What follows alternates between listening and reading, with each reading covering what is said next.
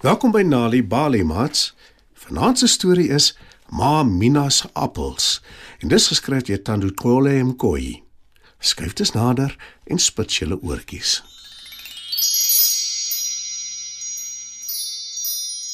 Een Woensdagoggend word Ma Mina vroeg wakker.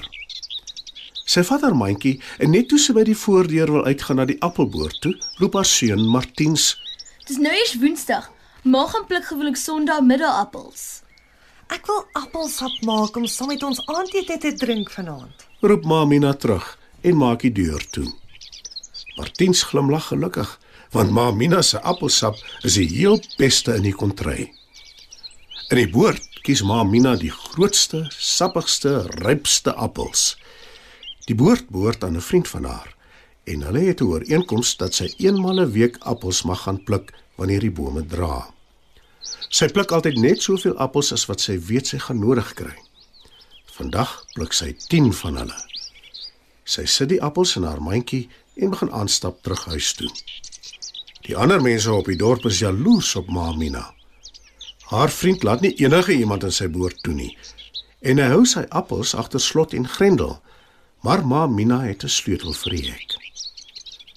By die huis wag Martin sy ma in en hy begroet haar met 'n lied. Ons gaan vars appelsap drink. Ons gaan vars appelsap drink. Jippie, jippie, jy! Toe sien Martiens twee van hulle bure se dogters, Annetjie en haar sussie Mims, loop agter sy ma aan. Die twee meisies dra iets in hulle teehemde en Annetjie sing haar eie wysie. Ons gaan lekker sappige appels eet. Ons gaan lekker sappige appels eet. Die twee meisies trek vir Martiens skewe gesigte en hulle lag lekker. Hy maak maar liewer asof hy dit nie sien of hoor nie. Alwaaraan hy bydien kan dink is sy ma se heerlike appelsap. Toe ma Mina aan haar kombuis kom en in haar mandjie kyk, is sy geskok. Martiens, ek weet ek het 10 appels gepluk. Want dis soveel ek altyd gebruik wanneer ek sap maak. Maar nou is daar net 4 in my mandjie. Sê ma Mina. Sy verstaan glad nie wat aangaan nie. Maar toe sien sy daar is 'n gat in haar mandjie wat sy nie van tevore raak gesien het nie. Die ander appels moes uitgeval het deur die gat, dink sy. Ek sal nou maar dieselfde pad terug boor toe moet loop. Sug ma Mina. Dalk kry ek my appels wat uitgeval het langs die pad. Sy gaan by die deur uit en skielik onthou Martien so Annetjie gesing het dat sy en haar sussie appels gaan eet. Hy gaan vinnig by die voorhek uit en daar sien hy die twee van hulle op die sypaadjie sit onder 'n boom. Hulle smil heerlik aan groot, sappige, ryp appels en hy weet sommer dadelik dis sy ma se appels. Maar van die ses wat uit die mandjie geval het, is daar net 2 oor. Hulle het so waar al elkeen 2 appels geëet. Martiens is teleurgesteld. Hulle moes gesien het hoe die appels uit sy ma se mandjie val, maar in plaas daarvan om haar daarvan te sê, het hulle die appels vir hulle self gevat. Hy kyk nie eers in hulle rigting nie, maar draf net so vinnig as wat sy bene hom kan dra om sy ma te soek en haar te vertel wat gebeur het. Hy kom maar langs die pad toe. Sy is uit asem gesoek na die appels wat sy verloor het. Ek kon hulle nie kry nie. Sê sy hartseer vir Martiens. Geen appelsap vir ons nie. Ek kan nie eers weer volgende week gaan appels pluk. Ek weet wat met die appels gebeur het. sê Martiens. En hy vertel haar van Annetjie en Mims. Maar Mina kyk ongelowig na hom en sê: Is jy seker hiervan? Kom ek gaan wys vir mamma die appelstronke onder die boom waar die twee dit geëet het. antwoord hy. Maar Mina en Martiens gaan kyk onder die boom en ja, waarlik, daar lê nou 6 appelstronke. Maar Mina tel dit op en sy en Martiens stap na Annetjie en Mims se huis toe.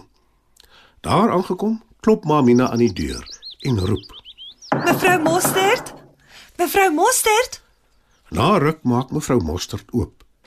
Sy's glad nie vriendelik nie en sê: Vir wat staan jy so en skree op my stoep? Wat gaan aan? "Ma Mina probeer nog verduidelik dat sy nie geskree het nie." Maar mevrou Mostert keer en sê ongeduldig: Kom tog net in. "Ma Mina draai nie doekies om nie." Sy vertel mevrou Mostert reguit wat gebeur het. Mevrou Mostert wil haar eers nie glo nie, maar ma Mina wys vir haar die appelstronke. En sy verduidelik vir haar wat Martiens gesien het. Nou kry mevrou Mostert skaam en sy sê: Ek is baie jammer. Ek hoop jy weet dis nie hoe ek my kinders grootgemaak het nie. Sy roep haar twee dogters wat in hulle slaapkamer is. Hulle kom skoorvoetend nader. En mevrou Mostert raas. Het julle twee so waar maar Mina se appels gevat? Die twee laat sak hulle koppe en Mims antwoord. Ons het nie geweet dis hare nie. Nou is mevrou Mostert eers kwaad en sy sê: Behalwe dat jy nou jok en al was dit ook waar. Hoe kon julle goed van die grond af optel en eet? Die twee erken hulle het wel geweet dis ma Mina se appels. En ook dat hulle lankal van die appels wou proe. Mevrou Mostert kyk streng na hulle en vra weer om verskoning namens haar dogters. Hulle sê ook hoe jammer hulle is. Maar Mina sug en gaan huis toe. Daar aangekom, is sy verbaas om te sien dat Martiens 10 appels skil en opsny. Sy wil weet wat aangaan. Hy verduidelik dat haar vriend ingestem het dat hy nog appels mag pluk omdat die twee stout dogters langs aan haar appels gevat het. Maar Mina glimlag gelukkig. Sy kan nou tog haar appelsap maak. Later die middag is daar 'n klop aan hulle deur. Toe ma Mina oopmaak, staan mevrou Mostert en haar twee dogters, Anetjie en Mims daar. Hulle het vir ma Mina 'n piesangbrood gebak om jammer te sê. Ma Mina glimlag en sê: Ek weet wat sal heerlik proe saam met die piesangbrood. Sy nooi hulle in en skink appelsap vir almal. Niemand wil tog sonde met die bure hê nie. Mats, dit is nog 'n aanbieding van Nali Bali storietyd.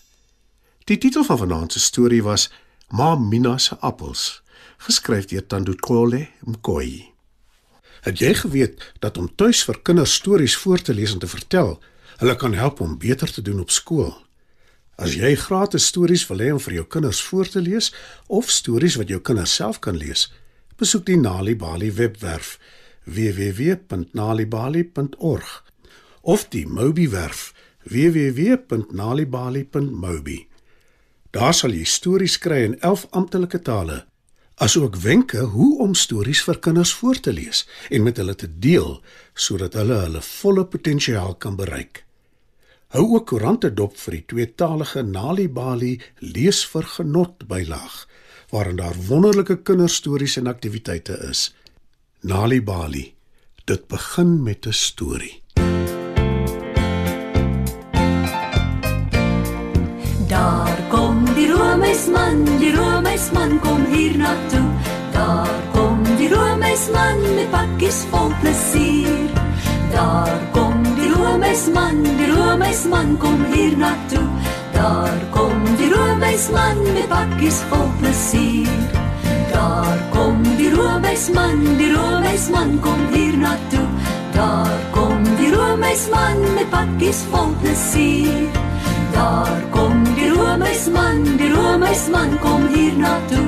Daar kom die roemeisman met pakkies vol plesier.